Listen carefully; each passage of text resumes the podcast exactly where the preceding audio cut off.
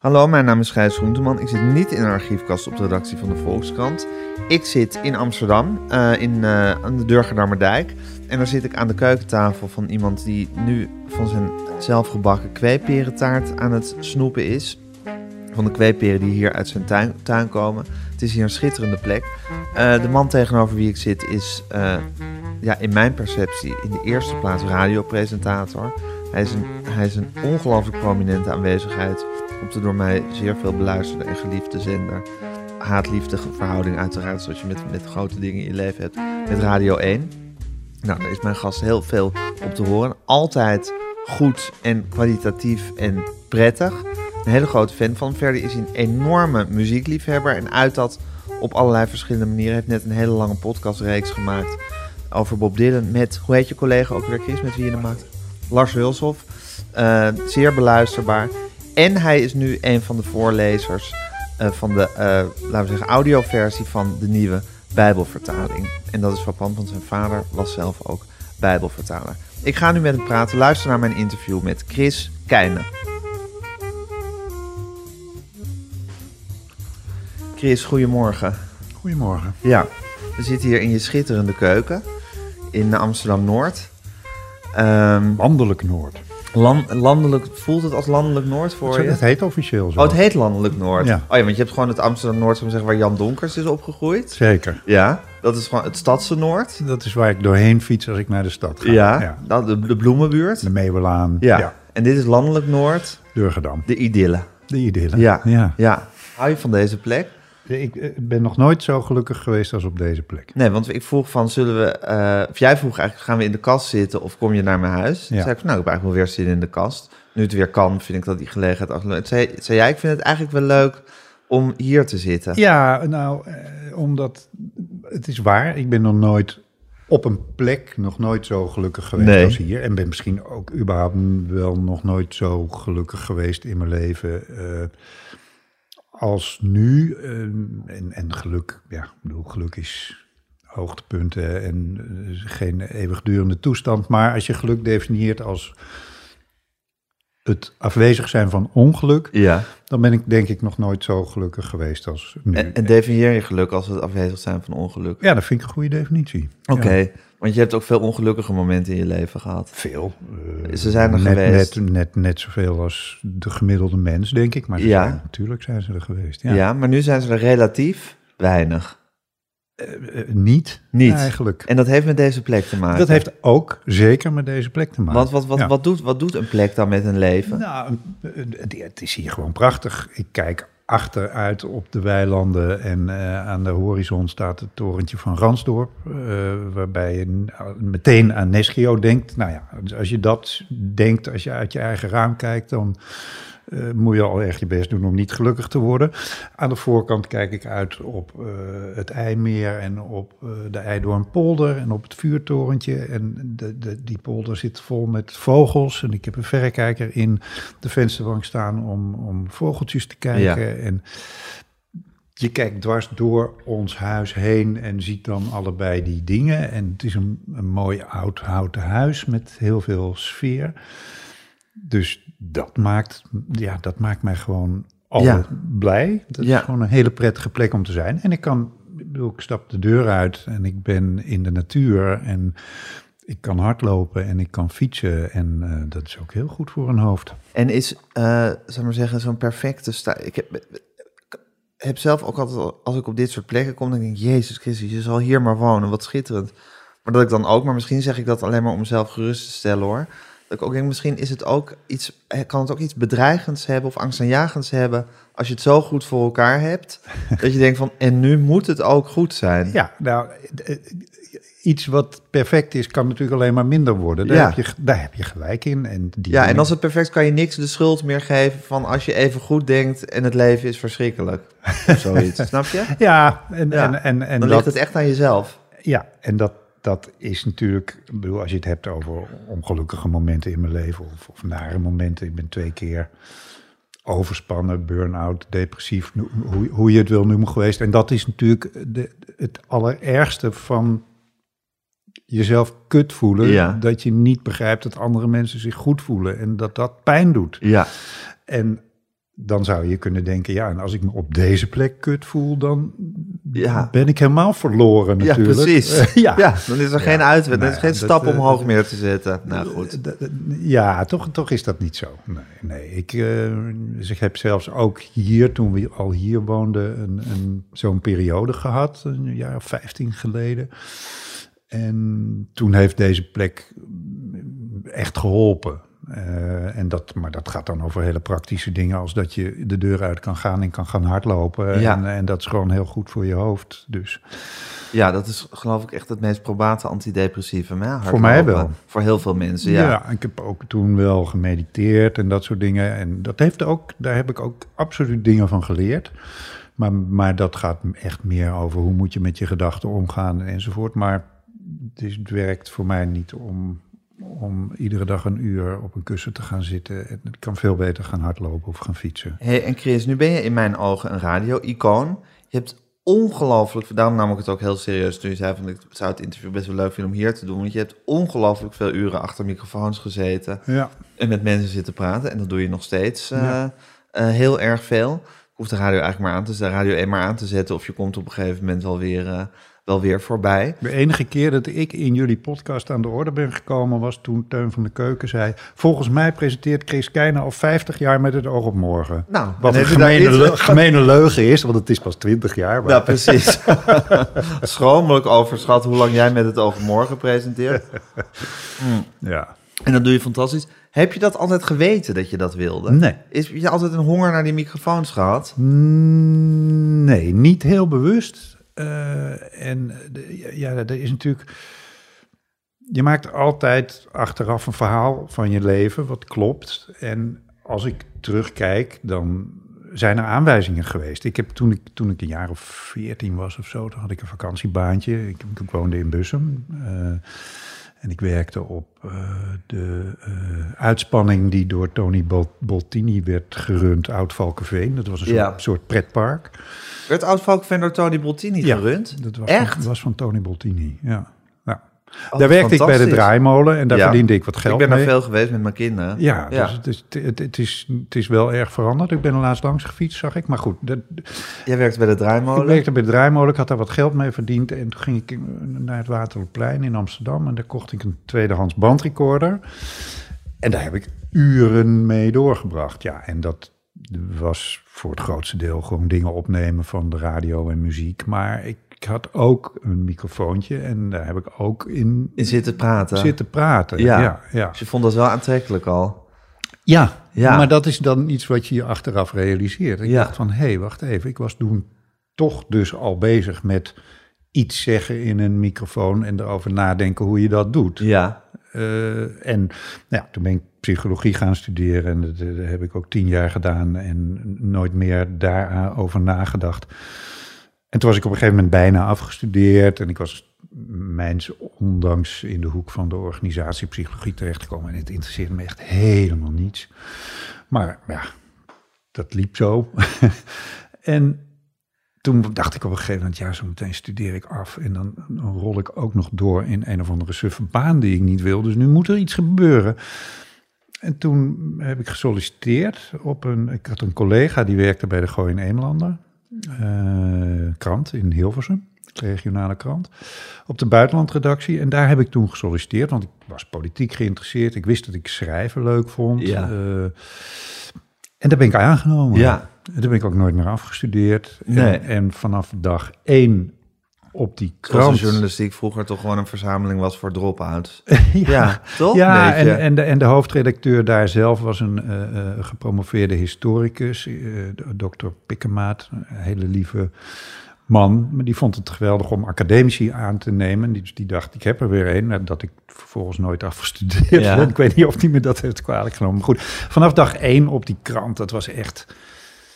Weet je, dat was nog... Boven zat de redactie en beneden was de drukkerij. En, en je liep zelf naar het steen, zoals dat dan heette, om, om te schrappen in je stukjes enzovoort. Dus je, dat hele ambacht van een krant maken, maakte je mee. En ik vond dat fantastisch. Ik, wist, ik wist echt vanaf dag één, dit, dit vind ik leuk. Ja, En, en ja, dat is gewoon de essentie gebleven van wat je deed eigenlijk. Ja, Ja. ja en, en ik weet dat diezelfde dokter Pikkemaat een keer tegen mij gezegd heeft: Jij hebt een hele goede microfoonstem. Mhm. Maar dat is toen ook niet echt tot me Terwijl hij doorgedrongen. gepromoveerd historicus was, dus hij heeft daar overduidelijk verstand van. Hij, ja, mijn man was heel geleerd. ja. Eh, en ja, toen ben ik via, via eh, de vrouw van de toenmalige hoofdredacteur van de VPRO-gids, Boudewijn Paans, helaas van de zomer overleden, eh, die werkte bij de Gooi Neemlander en hij las daardoor mijn stukjes in die krant en ik schreef op een gegeven moment veel over omroep en eh, programma's. En, en hij heeft me toen gevraagd, toen de VPRO-B-omroep werd, om bij de gids te komen. Dat heb ik toen eerst vier jaar gedaan en toen langzamerhand overgegaan naar de radio. En daar, ja, daar is het allemaal ontstaan. Ik bedoel, het is nooit iets geweest waarvan ik dacht, ik moet achter een microfoon. Heb je ooit iets gehad in je leven waarvan je dacht, ik moet? Ja, ik, kan je, ik, ik ken je al lang, Chris. Ja. Niet, niet eens super goed. Dat wil zeggen dat we, dat we elkaar meer passeren, als het met heel veel plezier, dan dat we, dan dat Ja. diep in elkaars leven infiltreren. Ja, jij bent voor het eerst hier en ik, ik ben nog nooit bij jou thuis Precies, geweest. dat wou ik zeggen. Maar er hangt altijd wel een soort, ja, een soort, soort laconieke, beetje afstandelijke waas over jou heen. Ja, om dat, jou heen. ik denk dat dat buitenkant is, overigens. Maar dat, Zeker, dat geloof ik. eh, ik bedoel, toen ik die, eerste keer dan een, een burn-out overspannen of wat dan ook was, toen zei iedereen die mij kende ook van jij en je bent altijd zo rustig. En, ja, Nou dat- goed, dat het kan niet alleen buitenkant zijn, het kan zelfs het tegenovergestelde van de binnenkant zijn ja, natuurlijk. nou, voor, voor mijn gevoel is het dat ook. Ja. Maar, ehm, Want heb, wat mijn vraag was, heb, heb, Ja. je, heb je wel eens wel in je leven heel erg gehad dat je dacht, ik wil dat, ik moet daarheen? nee, het, het is meer gegaan over beslissingen als wat ik je net beschreef, dat ik bijna afgestudeerd was en ik dacht van, oh jee, dat moet niet gebeuren. Ja. Dus ik ga iets anders, waarbij dit toch ook maar gewoon iets wat was, wat toevallig op mijn weg kwam. Maar goed, waarvan ik wel vermoedde dat ik dat leuk zou kunnen vinden. Eh, en ook de overstap naar de radio op een gegeven moment. Ik vond de, het gebouw was toen eh, het prominente programma het, van het VPRO Radio. van het Ja, VPRO. heel beroemd programma. Mensen als Peter Flik en Harmke Pijpers, Ronald van der Boogaard, Tom van der Graaf. En dat vond ik gewoon... Ik liep natuurlijk heel veel rond bij de VPRO, omdat ik voor de gids werkte. Dus ik kwam overal. Ja, En ik vond dat gewoon de leukste mensen die er waren. En daar wilde ik bij horen.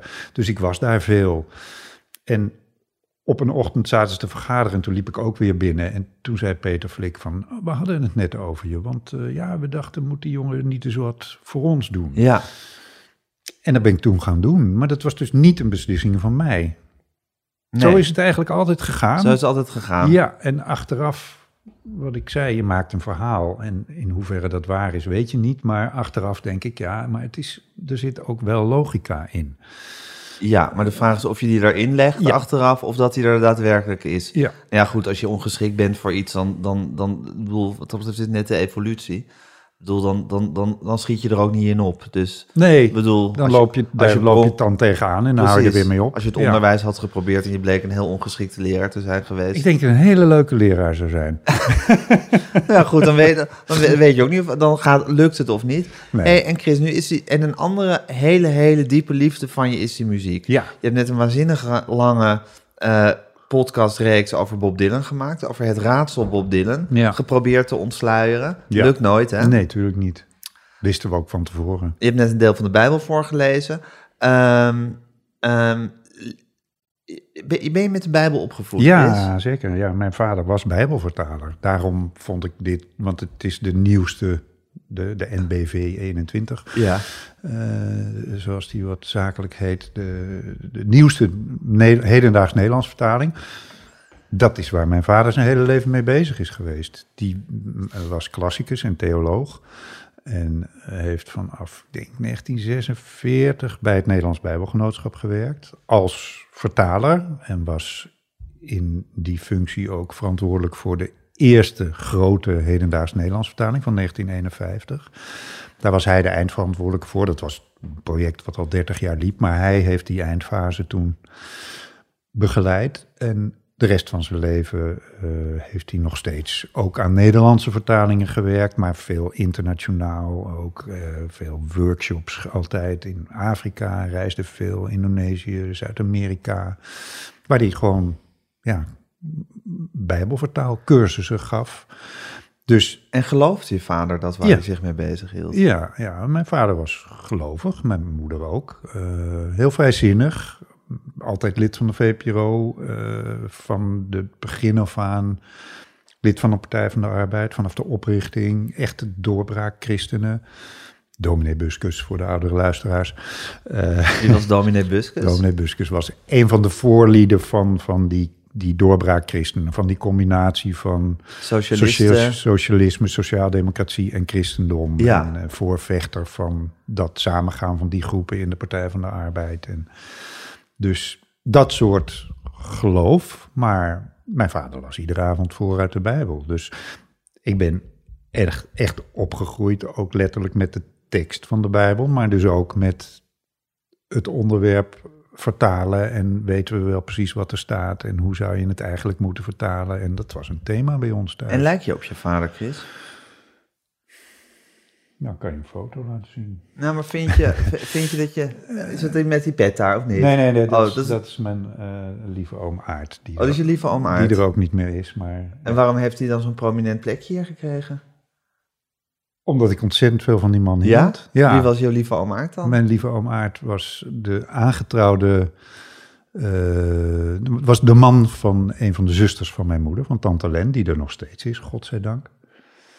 En daar, ja, die, die mensen, daar ben ik enorm dol op. Ja, een hele, ja, omdat het hele bijzondere, lieve, aardige mensen zijn, waar ik veel van geleerd heb. Wat hebben ze voor je betekend?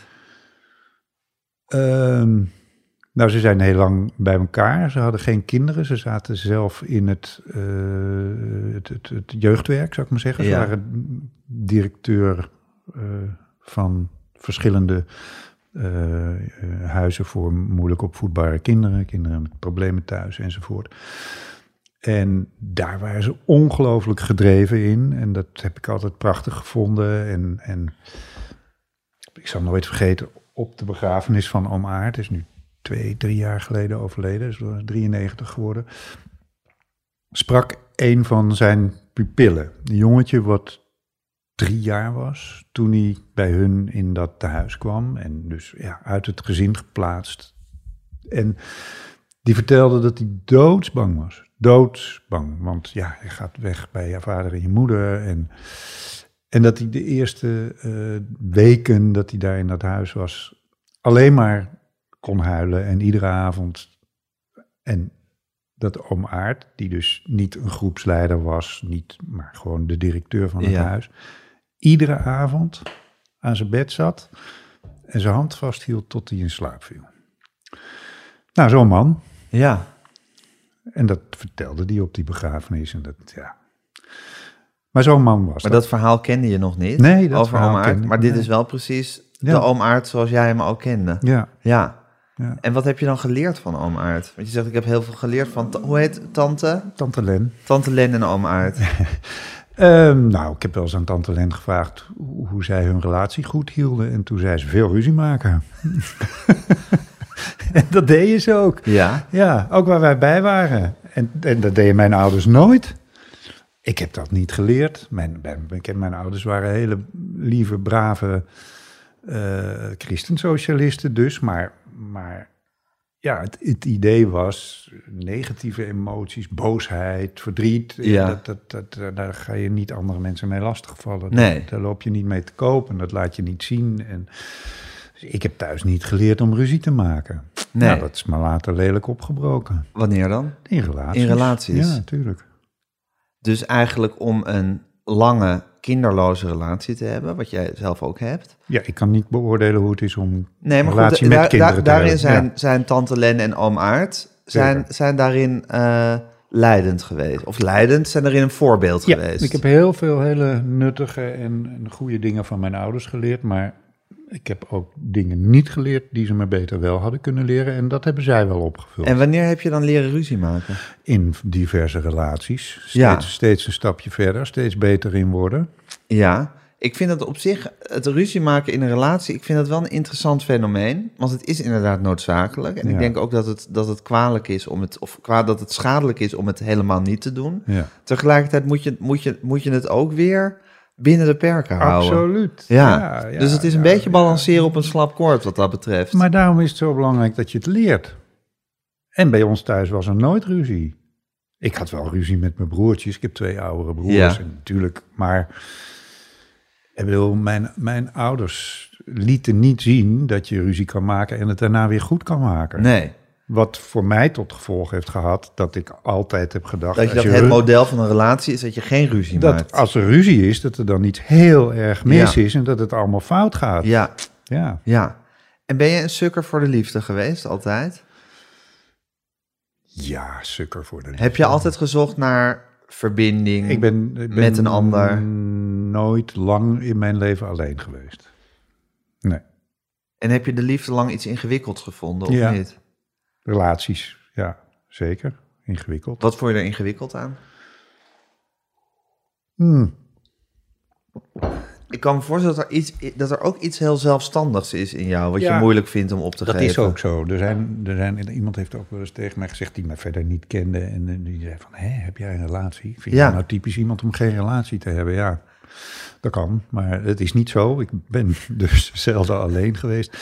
Nou ja, m- eh, ik ja, ben natuurlijk toch ook een beetje een product van de jaren zestig. En, en eh, toen was het misverstand dat, dat relaties eigenlijk ja, dat je dat, dat totale vrijheid veel belangrijker was dan je Ja. aan iemand binden. Je moest En- maar aan, aan rommelen. Ja, en dat, daar, daar heb ik denk ik wel een groot deel van mijn leven last van gehad. Ik, daar- eh, op een gegeven moment ga je denken, ja, is dit het nu met deze vrouw? En eh, Of niet met, met een andere vrouw er zijn er nog zoveel meer. Ja, Ja, de, de, de, is ook zo. de- de- de- ja zeker. zeker. Maar, maar eh, dat betekent niet dat het met een andere vrouw per se leuker is dan met de vrouw waar je mee bent. Nou, dat is denk ik iets waar ik, waar ik lang last van gehad heb, maar ook wel. Ook bijvoorbeeld dat niet ruzie maken en eh, dichtslaan als het wel gebeurt en, en niet praten. Ik bedoel, als er iets niet goed is voor een relatie, dan is het dat.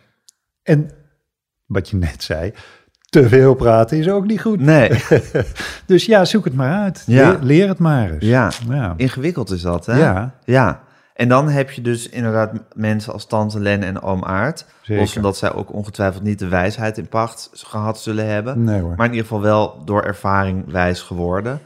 Bij wie je dan af en toe je licht kan, eh, kan opsteken. Ja, en, en bedoel niet zo dat ik erheen ging om te vragen van hoe zit het nou en hoe doe je dat. nee, maar, goed, ze, ze leefde ze het leeft voor. het voor. En, en af en toe vroeg ik er iets over. En nog wel eens, ja. Aan tante Len. Ja, Ja. Maar dus daarom heeft oom Aard een prominent plekje vlak onder Bob Dylan gekregen. ja van de hoes van de plaat Nashville Skyline, die daar in een, eh, in een eh, lijstje s- s- Die staat. kreeg ik van eh Mitzi, van mijn vrouw, op mijn, op mijn laatste verjaardag. Dit is een origineel, Is dat een een originele originele afdruk? print van Elliot Landy, die die foto gemaakt heeft. Ja. Dus en, en we- wat hangt, wat, wie hangt er weer naast oom Aard? Want dan is dit blijkbaar... Dat, is het, Zijn dit, zijn dit mannen van wie je veel geleerd hebt? dat is de foto van ehm, Jeroen Kom, Zijlstra. Ja. Ehm, die ook hier in Durgedam woont. En die ooit een eh, hitje heeft gehad met het liedje Durgedam slaapt. En dat is de tekst daaronder. Ah, oké. Hij heeft dat gespeeld op onze bruiloft. Oké. Dus daarin worden, worden eh, verenigd de- deze plek, Durgedam, waar je dus zo gelukkig bent, plus een singer-songwriter, plus het feit dat Ja. het op, jou, op, jouw huwelijk, op jullie huwelijk is, Ja, het is gespeeld. Het is een prachtig liedje. En ik, ik hoorde toen we dit huis al gekocht hadden, maar eh, er nog niet woonden. En eh, zei tegen Mitzi, dat moet je horen. En, maar het, het- ja, het is niet helemaal duidelijk waar het over gaat. Maar het gaat in ieder geval over een plek in Durgedam, een huis, wat er niet meer is. een, een plek van liefde die er niet meer is. Dus of er is iemand dood, of er is een relatie kapot gegaan of zo. Dus ze vond het heel mooi tot ze dat begreep dat het daarover ging. En zei, oh, maar hier moeten we helemaal niet naar luisteren. helemaal verkeerd, maar goed. We hebben eh, Jeroen gevraagd om het zodanig aan te passen dat hij het op ons Hij huwelijk het kon? Ja, hij heeft het, hij heeft het laatste couplet een heel klein beetje aangepast. Ja, Vind je dat kunnen? ja tuurlijk. Ja? tuurlijk. En moet je niet gewoon het, de, de, de, tragedies in het leven ook omarmen op de, op de jubelmomenten? Mm, nou, Soms moet je, moet je, moet je eh, dat, dat mag, maar dat hoeft niet. dat hoeft niet. Nee. Nee. Hey, en Chris, als je dan zo zegt van het is, eh, je hebt altijd relaties gehad, maar ook altijd een beetje zoekend. En nu, nu ben je er dus, nu ben je op de plek en met de vrouw met wie je blijkbaar gelukkig bent. Want er, zijn, er zijn weinig dingen die je, die, je nog, die je nog tegenstaan in het leven. Zeker. Zie je het leven ook als een soort, soort bouwwerk dat naar dit punt is toegegaan?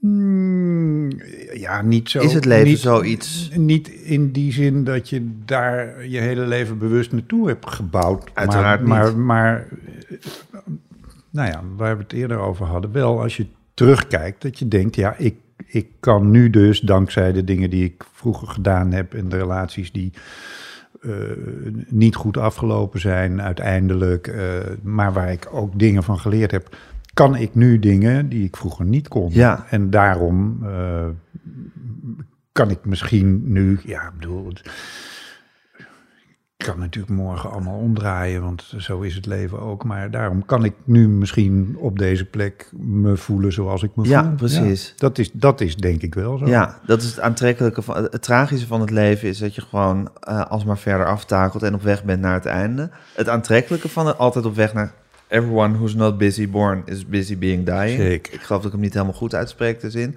Maar ehm, hoe is hij precies? Everyone who's not busy born is busy dying. Oh, zeg ik hem toch ja, goed, Ja, ja. Ehm, maar, ehm, Ja, maar ik zit nu dus in die... maar dat is het onaantrekkelijk van het leven. En het aantrekkelijke is dat je dus ook daadwerkelijk kan leren van het leven. En misschien komt het wel dat ik tegen jou kan zeggen... ik ben nog nooit zo gelukkig geweest... dat ik nu precies in die fase zit... dat je alle vruchten van ja, de... eh, Van het maar, geploeter en het geploeter, gezwoeg. eh, hebt... en dat ik nog niet in de fase ben dat het al echt naar Nee. beneden gaat. nee, precies. Dus ik moet enorm genieten van dit jaar. Ja, dus ik tref, ik tref je misschien voor een interviewer op een heel ongelukkig moment. Nou? Namelijk dat, dat, dat, dat, dat alles zijn een beetje op groen staan. Ja, maar gelukkig is niet saai hoor. Dat vind ik onzin. Is dat zo? Ja. Waarom zou dat nou saai zijn? We zoeken het allemaal de hele tijd. Wat is er dan saai aan? Nou ja, omdat, juist omdat we het allemaal zoeken. Dus dan wil je mensen horen die het ook zoeken. Die, ja, maar die ook... je, je kan het toch hebben over hoe je daarnaar gezocht hebt en hoe je er gekomen bent. Ja. Ja, dat is waar. Het is ook inderdaad niet zo saai. Bovendien is het best wel, is het best wel schaars. Dus moet je ook gewoon het moment dat je, dat, je het, dat je het bij iemand ziet... moet je ook gewoon even meteen je licht opsteken hoe het kan. En als we het dan even over Bob Dylan hebben, Chris... Hmm. Wat, is, wat, wat, heeft hij wat heeft hij gebracht in je leven? Ehm, ja, hij was er in het begin op een moment, ik denk dat ik, het moet eh 65 zijn geweest. 65, 66. Uit Dus welk toen was jaar ik- ben je? Toen was ik, ik ben van 53, Ja. dus toen was ik 13, 14. Dus het was net op een moment dat je je een beetje bewust begint te worden echt van de echte grote wereld, zou ik maar zeggen. En, en nou ja, politiek was bij ons thuis ook altijd al wel een gespreksonderwerp. Ja. En we lazen het Vrij Nederland en De Groene en Parool en ze allemaal mm, toen, Parool zeker toen, eh, allemaal keurige linkse bladen. En dus dat bewustzijn zat er op de een of andere manier wel vaag in, ook bij mij. En eh, via mijn moeder, dat heb ik je wel eens eerder verteld toen, toen we het over die podcast hadden Ja. in, Kunststof. Maar via mijn moeder kwam ik op het spoor van Bob Dylan. Ja. Zij hoorde hem op de radio en zei van, goh, dan moet je eens naar luisteren, vind je vast leuk. En ja, ik begreep natuurlijk nog niet veel, maar in die twee, drie jaar daarna is hij wel geweest, degene geweest die via de muziek en via zijn teksten de wereld echt binnen liet komen. Ja. En dat ging over de politiek, maar dat ging ook over eh, de liefde. En ik bedoel, ik ga natuurlijk op je ziel staan als ik zeg, want Don't Think Twice, It's Alright is toch wat anders dan I Wanna Hold Your Hand.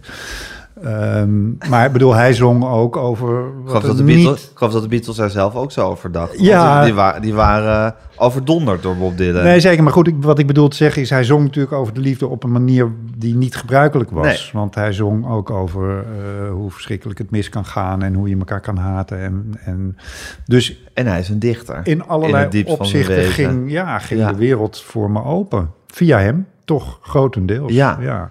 En dat is altijd... Ja, dat is altijd gebleven. En dan ga je iemand volgen en in hem verdiepen. En ja, het is een fantastische artiest. Dus dat blijft dan de rest van je leven. En wat is nou het, het ultiem geheimzin... wa- wa- waarom is Bob Dylan zo- zo'n soort, zo'n soort put waar je eeuwig in kan blijven kijken. En nooit helemaal lijkt te kunnen ontwaren wat je nou precies ziet. Ja, zonder dat ik dat echt definitief kan beantwoorden natuurlijk. Maar er zijn een paar dingen die daartoe leiden. Dat is omdat hij zelf ook iedere keer weer een andere weg inslaat. Dus dat je hem iedere keer opnieuw kan ontdekken. Omdat hij zichzelf ook Ja. iedere keer weer anders vorm geeft. Een En- berg raadsels achterlatend Ja. altijd. Nooit precies helderheid verschaffend. Nee, dat, dus, dus omdat hij dat doet in zijn carrière. En inderdaad, het tweede is omdat hij zelf nooit iets uitlegt. Nee. Dus dat alle ruimte voor interpretatie open blijft en, en dat ook intrigeert. Iemand die zo beroemd is als hij, die zo goed in geslaagd is om eigenlijk zelf buiten beeld te blijven. Dat, dat is, dat is, ik ken daar geen andere voorbeelden van. Eigenlijk. Nee. Dus dat intrigeert enorm en dat geeft enorm veel ruimte voor speculatie. En, ja, en, en ten derde dat, dat hij, lang niet alles, maar dat hij natuurlijk teksten heeft geschreven die zo ontzettend gelaagd eh, zijn. Ook weer Ja. raadselachtig. En, en heel, heel raadselachtig. Ja. Nou, een van de podcasts die we gedaan hebben was met Roel Bens van den Berg. Zeer gewaardeerde, eh, lieve VPRO-collega Ja. en, en, en zeer geleerd als het gaat om het, om het schrijven over kunst en popmuziek. In zijn nieuwste essaybundel staat een essay over Bob Dylan. En, eh, en hij, ja, hij maakt het zelfs bijna metafysisch. Hij zegt, Dylan is iemand die, die graaft niet eens in de bodem van de ziel, maar in wat daar nog onder ligt. In een soort.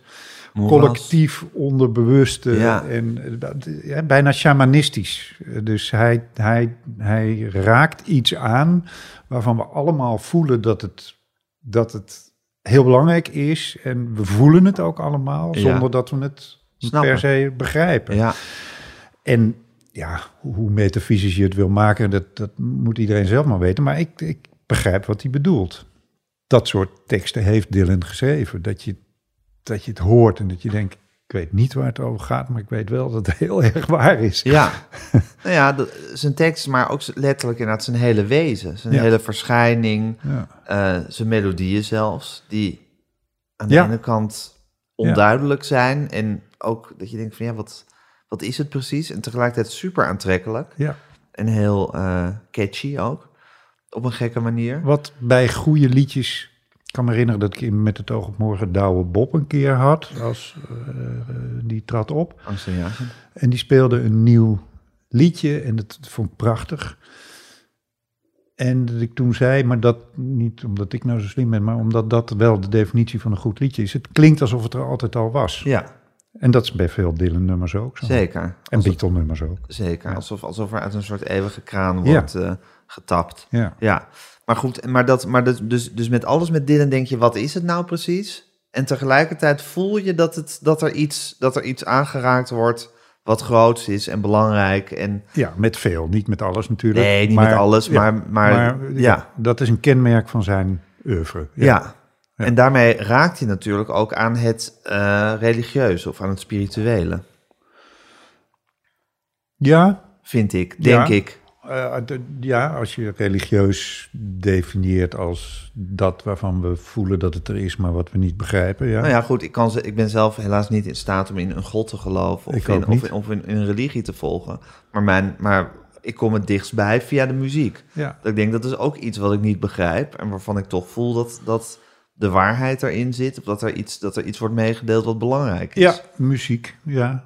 Niet alleen muziek, ook, ook. Ik heb een keer ook een interview, een marathon-interview met eh, Pater van Keelsdonk gedaan. Ja. En die vroeg ik daar ook naar, omdat ik dat een, een, hele leuke man vond. Maar ja, mijn inderdaad probleem met godsdienst is dat ik niet in een god kan geloven. Nee. Of misschien ook niet in wil geloven. En ehm, Dat is wel interessant dat je die nuance plaatst. Ja, en dat ik... ik, ik Dus je denkt dat misschien het feit dat je het niet gelooft... dat dat ook een soort verzet van je is. Nou, nee hoor, niet verzet, want ik, ben, ik heb helemaal geen conflictueuze breuk Nee, met dat snap het, ik. Maar je zegt, ik wil er niet, misschien wil ik er niet in geloven. dan hou je dus de mogelijkheid open dat de, dat de optie er wel is, maar dat er iets in jou is wat zich er tegen verzet. Zou kunnen. Zou kunnen, ja. Maar ik vind, ik vind het gewoon, een, een, als ik naar de natuur kijk en hoe alles functioneert, vind ik het een volkomen onlogisch concept. Laat ik het zo zeggen. En dat vind je juist een puntje voor de religie of daartegen? Tegen. Niet tegen spiritualiteit, wel tegen religie in, in Ja. de zin van er is een god en die heeft een doel. Ja, en, zeker. eh, Nee, dat is, dat. is, dat is iets. Maar het, het lastige vind ik altijd.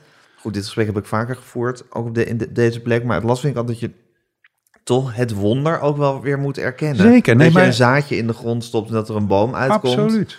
Is toch wel iets, ja. Nee, absoluut. En, en, En dat eh, Bob Dylan een akkoord aanslaat en dat het, dat het je raakt tot in je wezen. Ja, En met jou vele miljoenen anderen. Ja, maar goed, eh, Van Keelstonk had daar ook een Ja, heel mooi Van antwoord. Keelstonk had er ook een heel mooi antwoord op. Ja. Want ik vroeg van, ja, ik begrijp ontzettend veel van wat u doet en zegt. Want het ging natuurlijk over zijn eh, pastoraat, hè, de manier waarop hij altijd studenten heeft begeleid. En mensen in Amsterdam en, en later in de AIDS-periode. En eh, noem maar op, hij was, hij was studentenpredikant Mhm. in, in Amsterdam. Ehm, en ik zei van, nou, dat begrijp ik allemaal heel goed. Ik begrijp alleen niet waarom u daar God voor nodig heeft. Want dat kan je toch ook vanuit jezelf doen. En, en, en toen zei hij, ja, ja, God, maar ja, wat is God? Voor mij is God dat meisje met die vlechtjes wat mij op straat toelacht. En dat begrijp ik heel goed. En dat, dat is hetzelfde als het, het wonder van eh, eh, de bolgrisanten die hier voor het raam staan. Of de, de kweepperen waarvan we nu de taart zitten Ja. te eten. Of Bob Dylan en Oom Aard, die, Ja. je, daar hebt, die je daar in een klein altaartje hebt hangen. Van, vanochtend deed ik mijn, mijn fiets, eh, mijn, Rondje? ochtend- mijn ochtendgymnastiek. En ik fiets op een gegeven moment op een bruggetje achter een jochie van, nou, ik denk die vier of vijf was. Drie turven hoog op zijn klein kinderfietsje. Met een Ajax-rugzakje op. En ja, het- het- ik bedoel, ik heb een oudere collega die laatst zei, over, toen we het hadden over snel ontroerd raken, die zei, ach joh, tegenwoordig schiet ik al vol als er een Nederlander dertiende wordt op de steeplechase. Maar dat heb ik ook. Ik schiet ook snel vol, hoe ouder ik word. Maar ja, ik ben dan zo ontroerd. En dan zie ik ook meteen, ik zie zijn verjaardag voor me, waar die, die, waar die dat rugzakje uitpakt en hoe blij die is. En eh, maar ja, dat, dat mag je best God noemen voor mij. Ja, Zoiets. Of, of het wonder. het wonder. Ja. Ja. En je wordt er sneller ontroerd, je bent, raakt sneller ontroerd dan vroeger. Ja. Zou, zou dat iets, Ga jij iets chemisch, gaat- zou dat iets chemisch zijn? Misschien. Ja. Ja, maar goed, dat is natuurlijk... Met depressie is dat ook zo. Dan, hè, waar, als dat mij overkwam, waren, waren er ook altijd mensen die me gerust probeerden te stellen. En zeiden, ja joh, maar dat gaat alleen maar over stofjes in Ja, je hoofd. precies. Maar Uiteindelijk zijn het toch gevoelens waarmee je moet dealen. dat Ja. niet alleen, maar goed, dat is, dat is de, de Dick Swaap discussie natuurlijk. Eh, ja, is het allemaal alleen maar chemie in je hoofd die al in de baarmoeder eh, is vastgelegd? Ja, Of heeft het ook nog gewoon te maken met de wisselwerking met de wereld en met wat je meemaakt, waardoor die chemie misschien ook beïnvloed wordt? Ja, nou geef jij het antwoord maar. ja. En wat heb je eraan als je het antwoord hebt? Ja, Ja, want- want je moet er toch mee dealen. precies. Ja. Ja. En ik ben ook niet doe, de, de, de conclusie die je uit Swaap zou kunnen trekken. Ik weet eigenlijk niet eens of die hem zelf zo hard trekt, maar die je zou kunnen trekken is, maakt allemaal niks uit en er is niks aan te doen, want het ligt allemaal al vast. Nou, daar ben ik het absoluut niet mee eens, want ik, mijn ervaring is gewoon anders. Je kan er wel degelijk wat aan doen en mee om leren gaan en zorgen dat je hoofd op een andere manier gaat functioneren dan het deed, waardoor je niet meer zo snel in dat soort problemen komt. Hoe kan je dat doen? Met discipline. Zoiets, nou, dat, Denkdiscipline. Dat, dat, dat jochie met eh, dat, dat rugzakje, dat je, dat je daar dan, dat, en dat gaat vanzelf hoor, dat is geen discipline, maar dat je, dat je, daar maak je een soort positief verhaaltje van. Ik word daar ontzettend blij van. Als ik ben gewoon op de verjaardag van dat jochie geweest. Of ik, of ik stond met hem en zijn vader in de, in, de, in de fanshop om dat rugzakje te kopen. Nou, en dat, die keus heb je dus. Je kan in je hoofd meegaan met alle zwarte scenario's en alle zwarte gedachten. En daar, je maakt de hele dag verhalen, allemaal in je hoofd. Het hoofd is voortdurend bezig. De eerste fout die je niet moet maken, wat ik geleerd heb door schade en schande, en met name de tweede keer dat ik onderuit ging, is dat dat niet waar is wat er in je hoofd gebeurt. Dat we daar veel te veel waarde aan hechten. Maar het zijn allemaal maar verzinsels. En het tweede is dat je kan kiezen of je, Welke afslag je neemt. of je de zwarte kant of de lichte kant op gaat. En dat is niet iets wat dan vervolgens vanzelf gaat, als je dat eenmaal weet. Maar dat is discipline. Dan moet je, je, je hoofd heeft altijd de neiging, bij mij, om de zwarte kant op te gaan. Dus je moet, ja, met, met, je moet je realiseren wat daar gebeurt. En, Je ziet jezelf als een in de grond, of in, in de basis eh, somber iemand... die zichzelf heeft geleerd om eh, het positieve te kiezen. In ieder geval ben ik op de een of andere manier iemand geworden wiens hoofd eh, te vaak eh, de kant van de angst opgaat of de kant van somberheid. eh, en zeker, en dat heeft dan ook allemaal weer te maken met of je het te druk hebt en wat er gebeurt in je leven, dus ook door invloeden van buitenaf. En ben ik er pas veel te laat voor mijn eigen gevoel achtergekomen dat je dat ook anders kan doen. Dat dat niet iets is wat zo hoort te gaan of zo hoeft te gaan, dat je daar invloed op hebt. En is dat een conclusie die je zelf hebt getrokken... of heeft iemand je dat uitgelegd? Dat je die keuze kon Een maken? combinatie, eh, de, de, de- wat ik zei. Ik, ben, ik heb die laatste keer een, een mindfulness cursus eh, gevolgd Mhm. en mediteren. En nou ja, daar, als mindfulness of mediteren ergens over gaat, dan is het erover dat je niet een slaaf van je gedachten bent.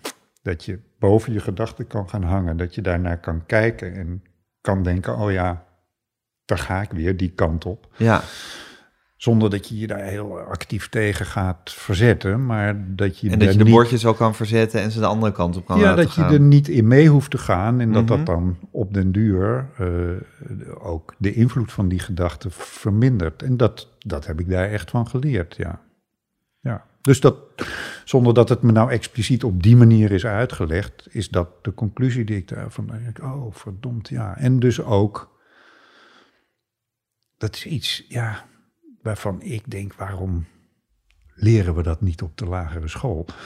Maar dat wat in je hoofd gebeurt niet de waarheid is. Dat is toch, ik, kijk, wat ik vertelde over mijn ouders eerst, eh, dus dat emoties, met name negatieve emoties, niet, niet not done waren bij ons thuis. Dat, de tegenkant daarvan is dat ik ook van ze geleerd heb, je moet altijd goed over alles nadenken. En dus dat ik ben opgevoed met het idee dat je door nadenken alle problemen op kan lossen. En dat is maar heel beperkt waar, want je kan met nadenken jezelf ook enorm in de, In de pro- in de problemen werken. Ja, En daar ben ik pas veel later achter gekomen. En dat, daarvan denk ik wel eens van god, als iemand me dat nou op mijn vijftiende had uitgelegd. Maar misschien werkt het niet zo. Misschien moet je er door schade en schande want bij jou thuis was toch een beetje de rigueur van... eh, je moet alles diep doordenken... Ja. en er moeten goede gedachten over gevormd worden. Ja, ook en uit een moet- soort verantwoordelijkheidsbesef. Je moet Ja, overal heel bewust over nadenken. ja, een soort zwaarte ook. eh, Ja, in die In zin dingen. wel zwaar. Ja. Ook, ook, ook morele morele van je moet het goede doen. Ja, ja niet, niet op een zwaar gereformeerde manier, maar, maar wel. eh, ja, we, we, we waren toch wel op aarde om eh, het goede te doen. Ja. Ja. Ehm, ja, tegelijkertijd zijn je gedachten natuurlijk ook een beetje alles wat je hebt en wat je bent. Je moet, ze, Mhm. natuurlijk, je moet ze natuurlijk ook wel weer ergens serieus nemen. ja, maar niet te serieus. Dat is het punt, denk ik. En, eh, en je, kan ze, je kan ze beïnvloeden. Je bent er geen slaaf van. Ja, Ik kan ervoor kiezen om over dat jochie met dat rugzakje te gaan nadenken. En ik kan er ook voor kiezen om de hele dag eh, te gaan denken van... oh god, het milieu. Ja, ja. Wat toch ook goed is om, de, om, je daar, om daarbij stil te staan. tuurlijk. Ja, Maar niet de hele maar alles dag. met mate. Maar niet de hele dag. Nee. En niet alleen maar. Nee. Ja.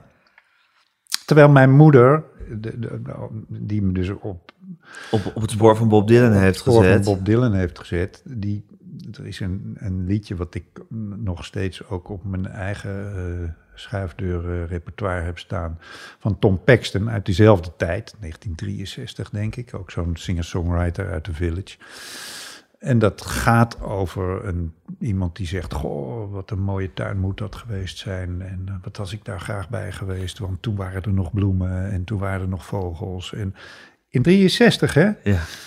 En dat was een lievelingsliedje van mijn moeder. We hebben het op haar begrafenis eh, eh, gedraaid. Maar mijn moeder heeft de rest van haar leven zich zorgen gemaakt over het milieu. En dan kan je aan de ene kant zeggen van nou hadden maar meer mensen dat gedaan. Dan waren we misschien niet gekomen waar we nu zijn. Ja. En tegelijkertijd heeft ze zelf, zichzelf daar niet gelukkig mee gemaakt. Nee. En Want wa- mijn, mijn lieve tante Len en haar andere zusters gingen ieder jaar vrolijk met de auto naar Italië op vakantie. En mijn moeder wou niet mee, want ja, autorijden. dat doe je niet. Ja. Terwijl dus, dat, dus de, de, de kiem voor deze zorg lag al in 1963. Terwijl nu vinden we 1963 het paradijs. Ja, En nu denken we alleen maar, was het maar, drie, was het maar zoals in 1963? ja, Ja. En, en hadden we toen maar naar Tom Paxton geluisterd. Ja, ja ja. Maar zo kunnen we onszelf dus allemaal helemaal gek maken met Ja. onze gedachten. dat kan. Ja. En, de- en daar schiet je helemaal niets mee op. Nee. Want dat is het punt. Natuurlijk moet je nadenken over het milieu. Maar het milieu, ik bedoel, de klimaatverandering wordt op geen enkele manier beïnvloed als jij de hele dag somber gaat zitten zijn. Nee, nee, dat is waar. En dat onderscheid moet je weten te Ja. maken. En dat heb ik pas heel laat geleerd, dat Ja. dat kan. Toch zijn dat inderdaad dingen die je misschien alleen maar door schade en schande Misschien wel. kan, kan leren. Want je bent er zelf twee keer voor onderuit moeten gaan om tot dat, eh, tot dat besef te komen. Ja.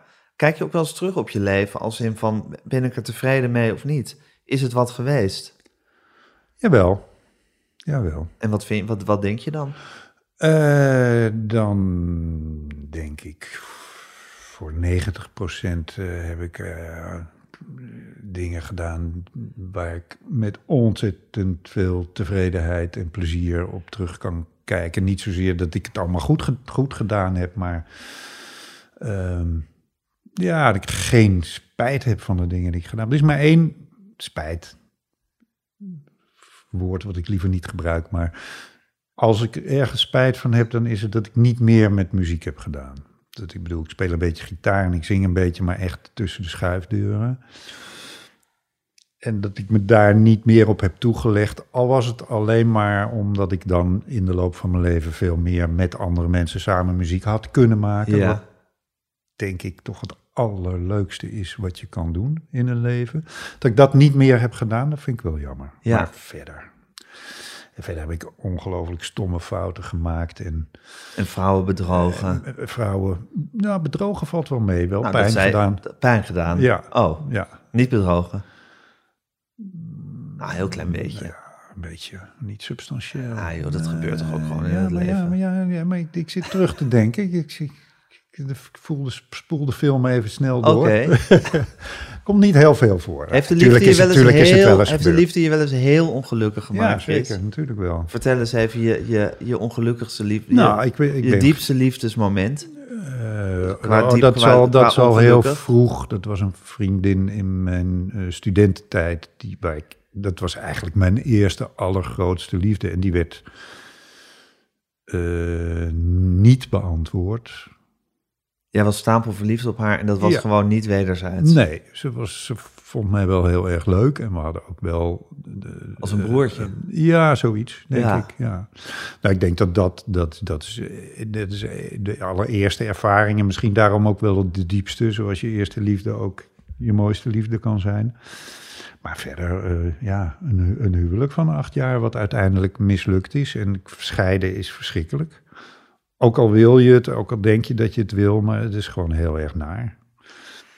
Iemand anders pijn doen is heel erg naar. Ja, maar soms kan het niet anders in het leven. Soms gaat het in ieder geval zo. Ja, En, en soms, ja. In ieder geval, ik, toen kon ik niet anders. Dat is het verstandigste wat je erover kon zeggen. en dat, jou, dat je nu met tevredenheid op je leven kan terugkijken. eh, er is ook nog genoeg om naar vooruit te kijken, maar in ieder geval wat je hebt gehad kan terugkijken. Dat heeft, ook, heeft dat ook te maken met, met hoe, je- hoe je je gedachten kan sturen tegenwoordig? Dat denk ik wel. Dat je gewoon, dat je gewoon eh, in staat bent om, eh, om een soort tot nu toe de rekening op te maken en te denken van nou, ik hoef daar eigenlijk helemaal niet zo, zo negatief over te zijn, maar gewoon best wel positief. Ja, Ja, ja dat, dat denk dat dat er wel mee te maken heeft. ja, Ja, ja, ja. Weet je, ik, ben, ik ben helemaal niet een, een, een blije eikel die altijd vrolijk en positief is, maar het gaat over... Nee, maar waarom gaat zou je over- onnodig somber zijn? Het gaat over een diepere Ja. laag, ja. Het gaat over, en inderdaad, het gaat meer over onnodig somber zijn. Vruchteloos ja, somber vruchteloos somber zijn. tobben zonder dat het verder ook maar tot iets Ja. leidt. Dan kan je het beter niet doen. Ja, is absoluut waar. Maar, maar kom maar eens tot dat Ja, punt. dat nee, is natuurlijk dat- het grote gevecht dat we moeten En dat- leveren en allemaal. dat gaat ook niet iedere dag vanzelf. Nee. dat, daar moet je moeite voor doen. Zie jij in Dylan eigenlijk een, een, een optimistisch of een pessimistisch mens? Ehm, nou, als je een nummer als Not Dark Yet hoort, dan kan je denk ik niet zeggen dat Dylan een optimistisch mens is. Wat voor Nee. nummer is dat? Vertel eens. Eh, nou ja, de, de, de, de twee catchphrases ervan zijn... It's not dark yet, but it's getting there. En, zeker, zeker in de laatste twintig jaar, zal ik maar zeggen... is, is Dylan's oeuvre behoorlijk zwart geworden. Eh, het gaat toch allemaal over, ja, het eind komt eraan. En eh, niet alleen voor hemzelf, maar ook voor de wereld... als je soms Mhm. soms moet geloven. Dus ik denk niet dat het per se een heel optimistisch mens is. Zijn, zijn kijk op Amerika en hè, dat, dat, dat laatste monumentale nummer van bijna 17 minuten, Ja. Murder Most Foul, waarin die naar aanleiding van de moord op Kennedy een soort van eh, litanie heeft over, ja, enerzijds is het een, een prachtige prachtige opsomming van wat er allemaal aan mooie muziek in de jaren 60 is Mhm. gemaakt. En anderzijds is het een inktzwart beeld van hoe Amerika eraan toe is. En ja, dat, dat, dat, dan, dan denk je niet, die man ziet de toekomst rooskleurig in. Maar aan de andere kant is het ook moeilijk om te zeggen in hoeverre dat zijn karakter is. Want daar weten we eigenlijk helemaal niks van. Nog steeds niet. Alleen het feit dat hij hij is nu dus 80 en hij heeft net, hij is net, denk volgende week zijn eerste concert is weer begonnen aan een nieuwe tour. En hij gaat ook weer een wereldtour doen. Hij gaat weer de hele wereld over. Hij is eh, natuurlijk eh, ja, sinds, nou, ik denk 1976 of 77 is hij is die op tour. En sinds begin jaren 80 heet dat ook de Never Ending Hoor. Tour. Het, het feit dat je je hele leven dat blijft doen. Hè? Paul Simon is er net mee opgehouden. eh, dat duidt niet op een heel gelukkig huiselijk leven. Ook. Ik bedoel, Ik kan me heel goed voorstellen dat je dat heel graag doet. Ja. Maar, de, maar de, de, de mate waarin hij het doet en het, en, en het daar niet mee op kunnen houden. We spraken op een gegeven moment eh, Leon Rijmakers van Mojo, ook Ja. voor die podcast. Eh, dat was vorig najaar, dus Mhm. tijdens de lockdown. En, nou, en, en stom toevallig had hij de dag voordat we hem spraken een telefoontje gehad van de agent in Engeland die dan altijd... Die zei van, ja, ja, kunnen we toch een datum gaan prikken, want Bob is bored. ja, Ja, die wilde optreden. ja. En, en nou, dat kan je ook dat kan je heel positief interpreteren van, nou, die man vindt dat nog steeds het allerleukste wat hij kan bedenken. Maar ik denk ook wel dat er een kant aan zit van rusteloosheid en, en niet, niet gelukkig kunnen worden van thuis op de bank zitten. Maar dat is toch ook fantastisch?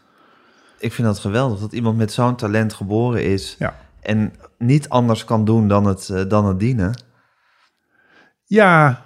Dat ja, heeft ook iets heel- Ja, ja, maar je wenst toch iemand ook een, een, een, een fijn eh, eh, binnenhuiswereld toe. Waarvan ik dus niet weet of hij die niet heeft. Nee, zou zomaar kunnen. Zou zomaar dat hij kunnen. ook gewoon een, een prettig gezinsleven, misschien wel met een vrouw ergens heeft. Als hij even niet aan de tour Zelfs is, dat hij daar weten we dus niet. zit.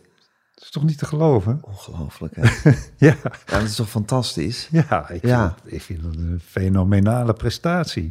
En ook dus dat er niemand uit die Ja, maar het, inner circle het is een fenomenale prestatie, praat. maar het is dus ook iemand... Het is dus ook van fascinerend dat je dus iets zo abstracts hebt. Ja. Een mens, notabene, een kunstenaar. Zo abstract. Nog zijn werk, nog zijn wezen zijn echte doorgronden. Nee. En we blijven ons er maar aan laven. En het blijft maar aantrekkelijk zijn. Ja. Dat, is, dat, is, dat is toch... Dat, dat behoort toch tot de grote raadsels van het leven. Hoe dat kan. Ja, Ja, ja. Nou, en, en dat, dat, ja, dat is ook grote kunst ja, natuurlijk. Hij heeft van zichzelf een soort kunstwerk gemaakt. ja. Zonder daarop uit te zijn geweest, denk ik. Ik bedoel, dit heb natuurlijk En hij is ook die- heel erg into Jezus. Tenminste, hij is een tijd heel erg into Jezus geweest. geweest. Ja, We weet- gaan er maar vanuit dat hij dat nog steeds is. ja, weet ik ook niet of dat, of dat zo is. En, en als dat zo is, hoe dat dan zo is. Nee. Want je kan Jezus een hele inspirerende figuur vinden natuurlijk. Zeker, nee, maar ik wou zeggen, dat, dat, daar, daar Paul lijkt het... Verhoeven vindt, die heb- die heb ik net toevallig voor het oog gesproken. Ja. die vindt Jezus ook nog steeds een hele inspirerende figuur. Zeker. Ja. Ehm, maar ik kan me voorstellen, als je op Dylan bent, dat je je ook een beetje toch ook vereenzelvigt met Jezus. In de zin van dat je zo aantrekkelijk bent dat eigenlijk elk woord wat je uitspreekt, zonder dat je misschien zelf precies snapt wat, wat, wat de portée daarvan is, dat dat zo, dat dat zo eh, eh, geabsorbeerd wordt Ja, en maar ik denk bestudeerd. dat, ik denk dat dat ook een van de dingen is waar hij gek van geworden is. En heel praktisch, als je, als je ziet wat voor consequenties dat kan hebben. Er is een vrouw in Italië, die is totaal, want er zijn natuurlijk heel veel Dylan-wappies. Die is zo Dylan-wappie, dat die heeft op een gegeven moment al haar bezittingen verkocht, haar huis verkocht, echt alles verkocht, om maar naar ieder concert van Dylan, waar dan ook Ja. op de wereld te gaan. Dus die zit daar in de zaal en dat weet Dylan. Die kent dat verhaal. Ja. Dus die weet dat er iemand is wiens leven in feite kapot is, want die vrouw is alles kwijt, behalve de Dylan-concerten, door hem. Dan ga er maar aan staan. Daar word je toch gek van, van die gedachte? Lijkt mij misschien wel. onmogelijk om mee te dealen. Nou ja, de vraag is natuurlijk van, van eh, ga je denken dat, dat die mensen gek zijn? Of ga je denken dat, ze, dat het inderdaad dat het, dat gerechtvaardigd is? Ja, nou, ik denk dat Dylan die laatste stap nooit heeft gezet. Ik denk dat hij genoeg relativeringsvermogen heeft om dat niet te doen, om niet in zichzelf te gaan geloven. Sterker nog, hij heeft al heel vroeg gezegd: jullie moeten vooral niet in mij gaan geloven. Ja, maar hij heeft heel veel dingen gezegd. Ja, Wonderlijke dingen. Hij heeft heel veel dingen gezegd, ja, dat is waar. Ja. Het is Het eindeloos behoort tot de grote raadsels. Ik heb het daar ook over, omdat je natuurlijk ook die Bijbel hebt zitten voorlezen, Chris. Ja. Is natuurlijk een vergelijkbaar raadsel. Ik bedoel, dat, je? Nou ja, zo- zo- zo'n boek, een paar Ja. van die geschriften die al eeuwen en eeuwen lang miljoenen en miljoenen mensen Ja, in de greep eh, houden. ja Is, eh, Terwijl, en ik vond het heel erg, heel erg eh, interessant om te lezen. En sommige teksten zijn prachtig. Ik heb Jeremia voorgelezen. Nou, dat is die, dat is die woedende God die via de profeet Jeremia het volk Israël uitvoetert en zegt: Jullie houden je niet aan mijn wetten en, en jullie aanbidden de Baal. En, maar ook jullie zorgen niet goed voor je dienstknechten en je dienstmaagden en voor de vreemdelingen. En jullie zorgen niet goed voor je land. En, hè, dus het gaat ook over sociale rechtvaardigheid of, en hoe we met de natuur omgaan. Maar het is ook een, een vrij onverdraagzame, eh ijdele God die alleen maar zelf aanbeden wil worden en niet kan verdragen dat, nou ja. En die, die alle rampen aanzegt die hij over het volk Israël zal afroepen en hoe hij ze zal straffen tot in de duizendste generatie en dat ze verstrooid zullen worden over de wereld. Nou, en dat is zo fascinerende aan de ene kant tekst alleen al omdat je denkt van, ja, het is dus ook allemaal gebeurd met het Joodse volk. Gek, dat is raar. Hè? Er staat er gewoon, jullie zullen in vreemde landen terechtkomen en dan zal je onderdrukt worden. En, maar tegelijkertijd, ja, het is prachtige taal en het was, het was zo heerlijk om, om voor te lezen. Maar ik heb ook pagina's geslachtsregisters voorgelezen, weet je wel. Die, de zoon van die, de zoon van die, de zoon van die. Ik had een lijst met 3000 namen met de goede uitspraak naast me liggen.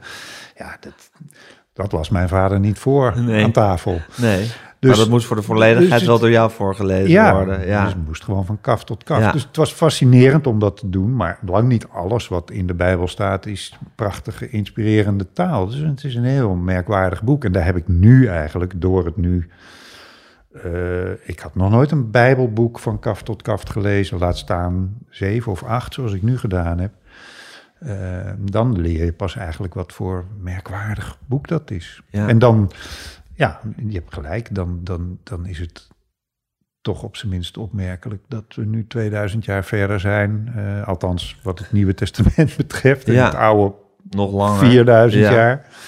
Eh, en dat het nog steeds zo invloedrijk is. Ja, Je zou er bijna gelovig van worden. Nou ja, je kan in ieder geval, zoals je moet erkennen dat de, dat het natuurraadselachtig is, kan je ook erkennen dat er gewoon sommige dingen een raadselachtige aantrekkingskracht op mensen hebben. En Ja. een, een waarheid in zich lijken te dragen zonder dat je precies de vinger erop kan leggen Ja, wat die waarheid is. En dat heeft iemand als Dylan ook, ja. hoe je het ook went of keert. Ja, maar ik hoop niet dat de, de, de, de op dit moment rondgaande complottheorieën eh, net zo lang meegaan. Maar die hebben natuurlijk hetzelfde.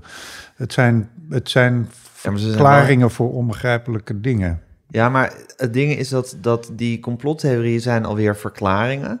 Terwijl iemand als Dylan is juist meer die- een, die maakt een het raadsel een alleen maar uitbeelding van het raadsel. Ja, dat is waar. Ja. Nee, die, die wilde ik ook niet vergelijken. Ik had het meer Nee, maar- over de Bijbel en Ja, maar de Bijbel is misschien de rol van religie. Die rol Ja. van religie is natuurlijk ook om het onbegrijpelijke, de verdraag, Ja, ja, verdraaglijk zou eigenlijk kunnen zeggen dat je, je hebt inderdaad het raadsel. Daar kan, je, daar kan je allemaal aan vergapen en bij neerleggen. En het wordt, pas, het wordt pas tricky als er mensen zijn die het gaan uitleggen... en de waarheid eruit gaan distilleren. En zeker als ze die En gaan opleggen. vervolgens aan anderen gaan opleggen. Precies, ja. ja. dat is eigenlijk de... Op straffen van je kop eraf. Ja, dat is eigenlijk de, de, de, de grens die er eh, gepasseerd wordt af en toe. Ja, Ja, en die iets angstaanjagends heeft. ja, Ja, ja. Maar dat mag niet, dat moet niet in de weg zitten van... eh, voelde je dicht bij je ouders toen je, de, toen je Heel die erg. tekst aan het voorlezen heel was? erg, ja. Mijn vader las over mijn schouder mee natuurlijk. Was dat ontroerend om te doen? Heel erg ontroerend, ja. Ja, zonder dat ik er gelukkig een brok van in mijn keel kreeg. Dat is zo lastig geweest, hè. Maar, nou ja, ik, bijvoorbeeld, ik, die, er was een presentatie twee weken geleden... eh, begin oktober in eh, de Grote Kerk in Den Haag... waar die nieuwe vertaling werd aangeboden aan, eh, aan de koning. En daar heb ik, mocht ik ook voorlezen. En dan las ik onder andere 1 Corinthiërs 13 voor. Dat is een brief van Paulus aan de Corinthiërs, een stukje over de liefde. Een heel bekende tekst, maar prachtig. Maar ja, daar, daar hebben ze dus, daar staat op een gegeven moment... De, de, de, de constructie van dat stukje is dat Paulus de hele tijd zegt... Ja, had ik dit, had ik dat, had ik dat, maar had ik de liefde niet... Het zou mij niets baten, dus de liefde is het allerbelangrijkste. En dan staat er onder andere ook... had ik het geloof dat bergen kan verzetten... staat er in de oude vertaling, maar had ik de liefde niet... Daar hebben ze verplaatsen van gemaakt. Want ja, bergen verzetten, dat is toch een beetje stijf. En die jonge mensen weten niet meer... hm, Die, Wat verzetten is. ja, Ja. Bergen verzetten. Dan zie je toch iemand echt zo een berg verzetten. En ja, verplaatsen is dan toch beter. Nou, ik weet zeker dat, dat ik daar met mijn vader heel, een hele boeiend... Ik weet niet of hij het ermee eens zou zijn geweest. Misschien Nee. wel hoor. Hij was Ja. helemaal niet recht in de leer of zo. Maar daar zou ik met hem een hele boeiende discussie... Dus als ik dat voorlees, hoor je je vader. voer ik die discussie ook ergens in mijn achterhoofd. Ja. dat betekent ergens zit de gedachte van God, wat zou hij ervan gedacht hebben? Ja. Dus die, die las mee. Ja, dat vond ik, vond ik prachtig. Ja. ja. Ja. zo gaan we door tot het einde, Chris. Met altijd maar weer je ouders in je hoofd blijven, blijven rondzingen. Niks op tegen. Je krijgt ze er niet uit. Nee, maar dat hoeft toch ook helemaal niet. Nee. Nee, daar kom ik vandaan.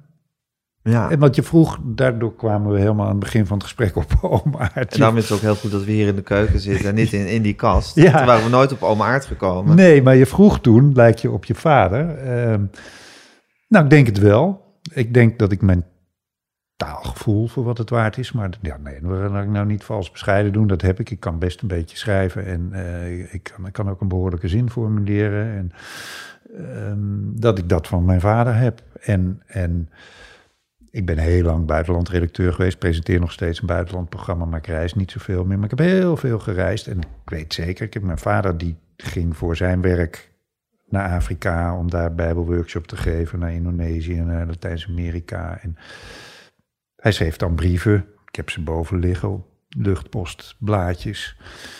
Uh, en dat was in de jaren 50, eind jaren 50, zo was ik zeven of acht. En dat las mijn moeder dan voor, terwijl wij in een onderbroekje met kleine zonnebrilletjes op onder de hoogtezon lagen. En allemaal het verhaal wat je later maakt. Maar ik meen zeker te weten dat mijn vader daarin beschreef hoe die in Afrika vrouwen zag lopen in kleurige jurken op weg naar de markt met dingen Mhm. op hun hoofd enzovoort.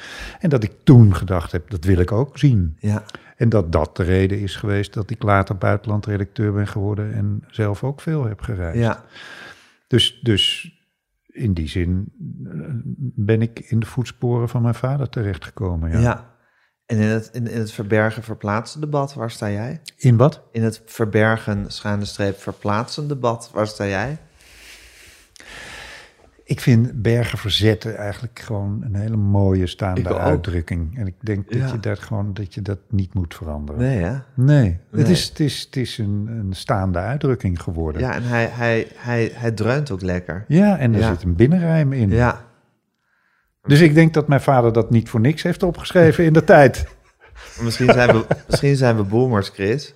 Misschien zijn we te oud om te snappen dat bergen verplaatsen eigenlijk beter is. Ja, ik zag ook een commentaar weer van een dominee uit Haarlem eh, op deze nieuwe Bijbelvertaling, die het er helemaal niet mee eens was. Want ja, alles wordt nu begrijpelijk gemaakt, zei hij. En daar gaat het niet om in de Bijbel. Want in, ja, in die vertaling van 51 staan soms dingen die moeilijk te begrijpen zijn. Maar dat is juist de kracht van die tekst. En daar kan je dan over gaan nadenken en daar kan je met Ja. elkaar over gaan hebben. En toen dacht ik van ja, maar dit is echt onzin. Want in 51 heeft mijn vader zijn uiterste best gedaan om het toen zo begrijpelijk mogelijk te maken. Ja. En dat is ook maar een tekst die toen bedacht is. Dus dat Ja. is niet een mysterie wat er ligt om niet doorgrond te worden. Nee. Dus, dus daar was ik het niet mee eens. Maar ja, er is ook een psalm waarin het gaat over de diepe dalen der duisternis. Dat was in de vorige vertaling veranderd.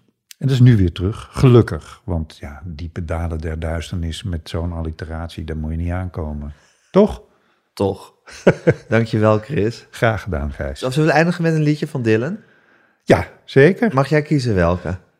Nou, ik zal je niet Murder Most Fall eh, van 16 nou ja, minuten. goed. Kunnen mensen hem gewoon uitzetten? Ehm, er is, ik heb een, een- een- de eerste echt dat er een vriend van mij eh, doodging, was een jaar of 15 geleden. En altijd als ik dit liedje hoor of zing, wat ik ook doe eh, af en toe, eh, dan denk ik aan hem. Dat Welke vriend was dat? Arnold Cohen, een vriend van mij. Ja, een jeugdvriend. Een? Nederlandse Amerikaan. Nee, nee, nee, van later in mijn leven leren kennen. Maar En was hij overleed hij plotseling of na een ziekbed? nee, lang naar, Na, lang naar ziekbed. lang naar kankerziekbed, ja. En welk, eh, welk liedje is dat? He was a friend of mine. He was a friend of mine. Dankjewel, Chris. Graag gedaan.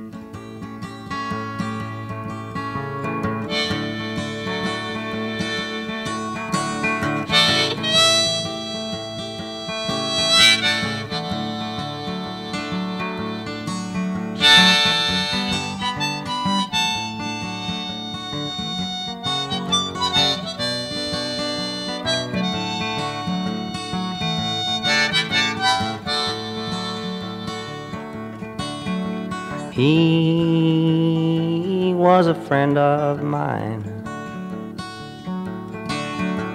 He was a friend of mine. Every time I think about him now, Lord, I just can't keep from crying. Cause he was a friend of mine.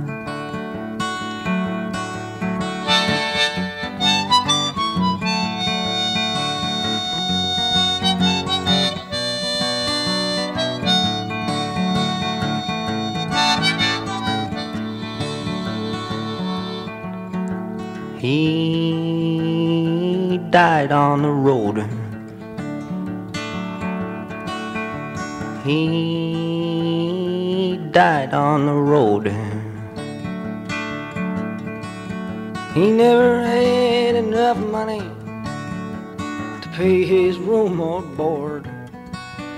And he was a friend of mine. I stole away and cried. I stole away and cried. Cause I never had too much money, and I've never been quite satisfied. And he was a friend of mine.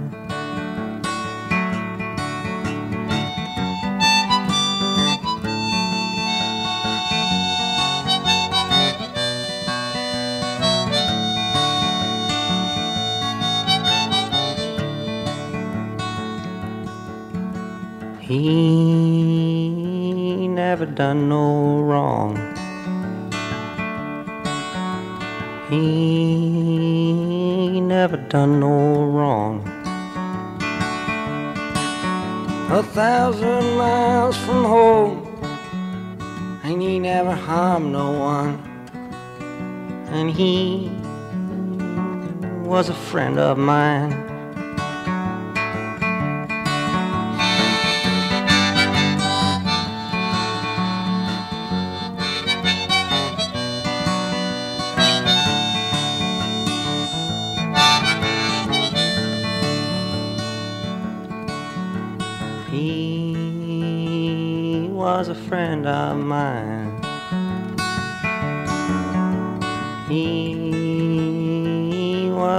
Friend of mine.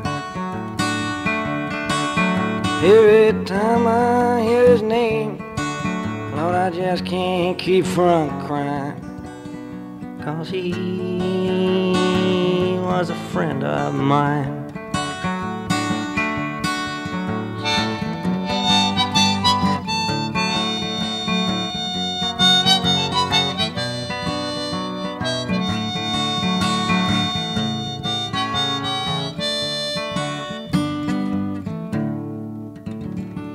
Dit was Met Groenteman in het Nieuwe Normaal met Chris Keijnen. Mijn naam is Gijs Groenteman. Ik maak deze podcast samen met Daan Hofstee. U kunt zich abonneren op alle mogelijke manieren op deze podcast. U kunt ons een mailtje sturen, podcasts.volkskrant.nl. Volg ons op Instagram, @metgroenteman. En vooral, als het kan, waar dan ook, geef ons lekker veel sterretjes.